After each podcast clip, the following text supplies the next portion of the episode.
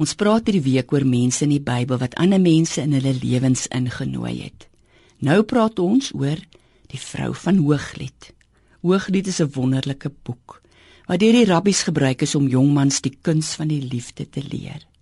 En dit uit 'n boek wat hoofsaaklik deur 'n vrou geskryf is, oftewel Hooglied bestaan uit liefdesgedigte waarin die vrou die meeste aan die woord is.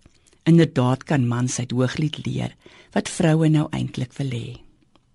Die vrou in Hooglied beskryf hoe sy op moeilike maniere baie oor die liefde geleer het.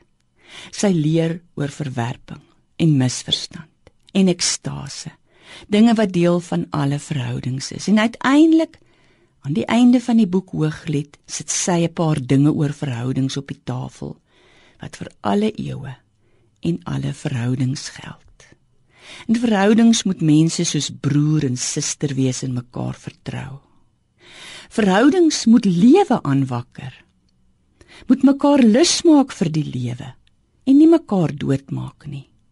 In 'n verhouding moet jy iemand innooi terwyl jy jou eie waarde ag. En dan sê Hooglied iets wat baie belangrik is. In 'n goeie verhouding luister mense na mekaar. In Hooglied 8 vers 13 nooi die man die vrou uit om haar stem te laat hoor. Ja, in 'n goeie verhouding praat mense nie oor mekaar nie. Hulle praat met mekaar. Ek sou my voorstel dat die man en vrou van Hooglied in 'n goeie verhouding na mekaar se hartseer en woede geluister het, maar ook na mekaar se geluk en wat elkeen van hulle bly maak.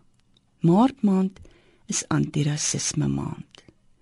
En ek het gewonder of ons nie dit wat in Hooglied gesê word wat 'n goeie verhouding uitmaak op alle verhoudings kan toepas nie.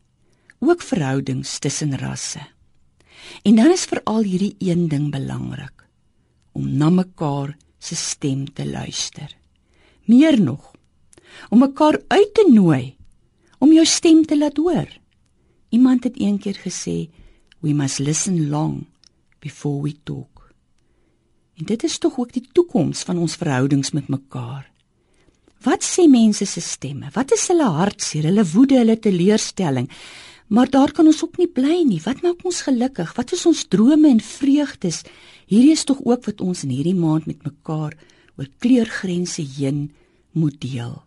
Veral terwyl ons wag vir Paasfees om aan te breek.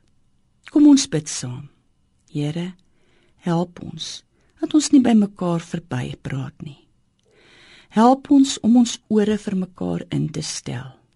Dat ons kan luister na mekaar se hartseer en na mekaar se vreugde ook oor rassegrense heen.